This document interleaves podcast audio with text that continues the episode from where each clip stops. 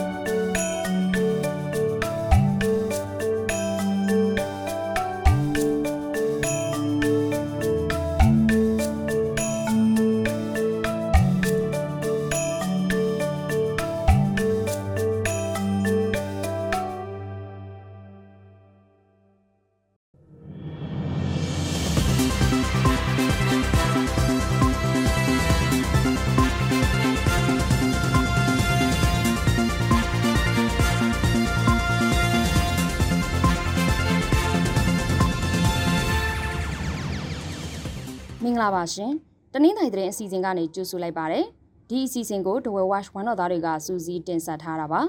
ဒီကနေ့တင်ဆက်ပေးမယ့်သတင်းတွေကတော့စေအုပ်ချုပ်ရေးကြီးညာထားတဲ့ပလုံးမြို့နယ်မှာကွန်တီရော်ဘာတွေကိုစစ်ကောင်စီတပ်ကတည်ယူခွင့်ပိတ်ထားတဲ့အကြောင်းကြိုက်ထုံမှာခရီးသည်တင်ကားမိုင်းဆွဲခံရပြီးခရီးသည်၈ဦးဒဏ်ရာရခဲ့တဲ့အခြေအနေကလျောင်မြို့ထွက်တံပြာသီးဈေးကောင်းနေတဲ့အကြောင်းငိမ့်မြို့ပေါ်မှာစစ်ကောင်စီကလုံခြုံရေးထပ်တိုးတင်းကျပ်လာတဲ့တဲ့င်း ကရင်ပြည်နယ်ကြိုင်းစိတ်ကြီးမှာလက်နက်ကြီးကြီးကြားရောက်ပောက်ကွဲမှုကြောင့်အရသားထိခိုက်ဒေဆုံးမှုတွေရှိနေတယ်ဆိုတဲ့သတင်းတွေကိုနားဆင်ရမှာပါစေအုပ်ချုပ်ရေးကြီးညာထားတဲ့မြိတ်ခရိုင်ပလောမြို့နယ်ကြေးရွာတွေကထွက်တဲ့ကွန်သီရောဘာတွေကိုပလောမြို့ပေါ်ကိုတည်ယူရောင်းချခွင့်စစ်ကောင်စီတပ်တွေကပိတ်ပင်ထားတယ်လို့ဒေသခံတွေကပြောပါတယ်။ အခုလိုပိတ်ထားတာဟာတစ်ပတ်လောက်ရှိပြီဖြစ်ပြီးဘာအကြောင်းနဲ့တည်ယူရောင်းချခွင့်ပိတ်ထားတယ်ဆိုတာကိုတော့ဒေသခံတွေအနေနဲ့တိတိကျကျမသိပါဘူး။ဒေသခံတချို့ရဲ့ပြောဆိုချက်အရအော်တိုဘာလ22ရက်မှာအသက်15နှစ်ခန့်ရှိတဲ့ကလေး3ဦးကိုစစ်ကောင်စီတပ်ရဲ့နန်းတော်စစ်စေးရေးဂိတ်ကဖမ်းဆီးစစ်ဆေးချိန်မှာကွန်တီရော်ဘာတွေနဲ့ PDF တွေပတ်သက်မှုရှိတယ်လို့သတင်းတွေထွက်ပေါ်ခဲ့တယ်လို့ဆိုပါတယ်။အဖမ်းခံရတဲ့ကလေး3ဦးစလုံးဒီကနေ့အထိပြန်မလွတ်လာသေးတယ်လို့ အဲ့ဒီကလေး3ဦးအဖမ်းခံရပြီးတဲ့နောက်ဒေသထွက်ကုန်မြို့တက်ရောင်းချမှုကိုစစ်တပ်ဂိတ်တွေကပိတ်လိုက်တာပါဒေသခံတွေကတော့ရှောင်ကွင်းလမ်းတွေကိုအသုံးပြုပြီးမြိတ်ဘက်ကိုတက်ရောင်းနေကြတယ်လို့ဆိုပါတယ်ပလောနဲ့မြိတ်ခီးစင်ဟာမိုင်90ခန့်ဝေးတာကြောင့်လမ်းမဆက်သွယ်ရေးခက်ခဲတယ်လို့လမ်းခရီးစရိတ်တွေအပိုကုန်ကြများတာကြောင့်တွက်ချေမကိုက်ဖြစ်လာတယ်လို့ဒေသခံတွေကပြောပါတယ်တဝက်ခရိုင်ကလျောင်ဒေသထွက်တံပြာသီးဈေးကောင်းရနေတယ်လို့ ကလျောင်ဒေသခံတံမြချန်လုပ်ငန်းရှင်တွေကပြောပါတယ်။အခုနှစ်မတ်လကတံမြတီးတစ်လုံးကို200ကျပ်အထိဈေးကောင်းရပြီးပုံမှန်ကာလတွေမှာတော့တစ်လုံးကို10-20ကျပ်သာရတယ်လို့ဆိုပါတယ်။အခုနှစ်အောက်တိုဘာလမှာတော့အဖွင့်ဈေးမှာပဲတစ်လုံးကို90-60ကျပ်ရနေတယ်လို့ဒေသခံတွေကပြောပါတယ်။အောက်တိုဘာလကနေဂျွန်လအထိဟာတံမြတီးရောင်းအကောင်ဆုံးအချိန်ဖြစ်ပါတယ်။ဒေသထွက်တံမြတီးကိုတနင်္လာရီတိုင်းရှိမြိတ်ပလောမြို့နယ်အပါအဝင် မော်လမြိုင်ကြိတ်တူရန်ကုန်နေပြည်တော်အထိတင်ပို့ရောင်းချနေရတာပါမွန်ပြည်နယ်ကြိုက်တူမြို့နယ်ကျွန်းတော်ကျေးရွာရန်ကုန်မော်လမြိုင်ကားလမ်းမှာခီးတဲ့တင်မှန်လုံကားတစ်စီးမိုင်းဆွဲတိုက်ခိုက်ခံခဲ့ရပါတယ်နိုဝင်ဘာလ၁ရက်ည9နာရီခန့်မှာရန်ကုန်ကနေမော်လမြိုင်ဘက်ကိုမောင်းနှင်လာတဲ့အောင်ကျော်မိုးခီးတဲ့တင်မှန်လုံကားဟာ PT Power 73စီအယောင်းဆိုင်အနီးမှာမိုင်းဆွဲတိုက်ခိုက်ခံခဲ့ရတာဖြစ်ပါတယ်။ မှန်လုံကားပေါ်မှာခီးတဲ့40ခန့်လိုက်ပါစီးနှင်းလာပြီးမိုင်းစာထိမှန်မှုကြောင့်အမျိုးသမီး၄ဦးနဲ့အမျိုးသား၄ဦးဒဏ်ရာရခဲ့တယ်လို့ဆိုပါတယ်။ဒဏ်ရာရသူအလုံးကိုလူမှုကူညီကယ်ဆယ်ရေးအဖွဲ့က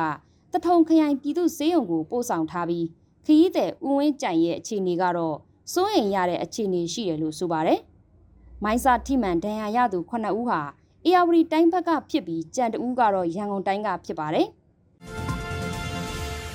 နိုဝင်ဘာလ၁ရက်ကစပြီးမြိတ်မြို့ပေါ်နေရအနှံ့မှာစစ်ကောင်စီကလုံခြုံရေးအစီအမံတွေထပ်တိုးပြုလုပ်လာတယ်လို့မြို့ခံတွေကပြောပါတယ်။မြိတ်ကမ်းနာလန်မိဘုံတိုင်အနီးမှာစစ်ကောင်စီရဲ့ရဲတပ်ဖွဲ့ဝင်တွေတဲအိတ်တွေကလုံခြုံရေးယူထားတယ်လို့မြို့ထဲကလမ်းစုံလမ်းကွာတွေမှာတန်ဆူးကျိုးတွေနဲ့အဖြူအနီမြင်းပါဘယ်ရီဂိတ်တွေကိုလိုက်ချထားတယ်လို့မြို့ခံတွေကပြောပါတယ်။အော်တိုဘာလ28ရက်ကစပြီးရှမ်းမြောက်ဒေသမှာမဟာမိတ်ညီနောင်၃ဖွဲ့က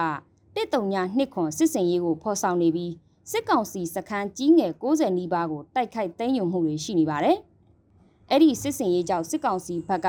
မြို့ပေါ်မှာကြိုတင်ကာကွယ်မှုတွေပြုလုပ်လာတာဖြစ်နိုင်တယ်လို့မြို့ကန်အချို့ကခန့်မှန်းပြောဆိုပါတယ်။မြိတ်မြို့အဝင်ကျွဲကူးကြောက်ဖြာမြကူတရာတစ်ဖက်တစ်ချက်မှာရှိတဲ့စစ်ကောင်စီတပ်ဂိတ်မှာအရင်ကရဲတပ်ဖွဲ့ဝင်တွေကိုတာတာဝန်ချထားပေမဲ့အခုလက်တလောချိန်နေမှာတော့ စစ်ယူနီဖောင်းနဲ့စစ်ကောင်စီတပ်သားတွေကိုတွေ့မြင်နေရတယ်လို့တရားပေါ်ဖြတ်တန်းသွားလာတဲ့ဒေသခံတချို့ကပြောပါတယ်။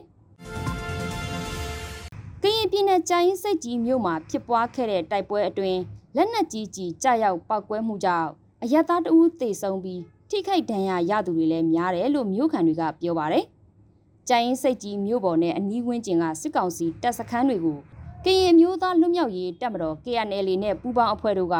နိုဝင်ဘာလ၁ရက်ည8နာရီခန့်ကလေးကပြစ်ခတ်တိုက်ခိုက်ခဲ့တာပါ။နိုဝင်ဘာလ2ရက်နေ့အထိနှစ်ဖက်ပြစ်ခတ်မှုတွေဖြစ်ပွားခဲ့တယ်လို့ဆိုပါတယ်။နေအိမ်ပေါ်လက်နက်ကြီးကြီးကြားရောက်ပောက်ကွဲမှုကြောင့်နေအိမ်ထိခိုက်ပျက်စီးမှုတွေလည်းရှိတယ်လို့မြို့ခံတွေကဆိုပါတယ်။တိုက်ပွဲကြောင့်နေအိမ်ဆွန့်ခွာထွက်ပြေးနေကြသူတွေရှိတယ်လို့မြို့ထဲပိတ်မိနေသူတွေလည်းရှိပါတယ်။တချို့ကအိမ်ထဲမှာပဲပုန်းနေကြပါတယ်။အဲ့ဒီနေ့နနက်ပိုင်းကကျိုင်းစိတ်ကြီးမြို့မှာရှိတဲ့စစ်ကောင်စီစခန်းတွေအပြင် ကော့ဂရိတ်နဲ့ထိုင်းမြန်မာနယ်စပ်ကစစ်တပ်စခန်းတွေကိုကရင်မျိုးသားစီယုံ KNU ပူးပေါင်းတပ်ဖွဲ့တို့ကတပြိုင်နက်တည်းဝင်ရောက်တိုက်ခိုက်ကြတာလည်းဖြစ်ပါတယ်။တိုက်ပွဲဖြစ်ပွားပြီးတဲ့နောက်မှာဖျားသုံးစုကျိုင်းစိတ်ကြီးချောင်းနှစ်ခွကားလမ်းပိုင်းဖြတ်တန်းခွင့်ပိတ်ထားတယ်လို့သိရပါတယ်။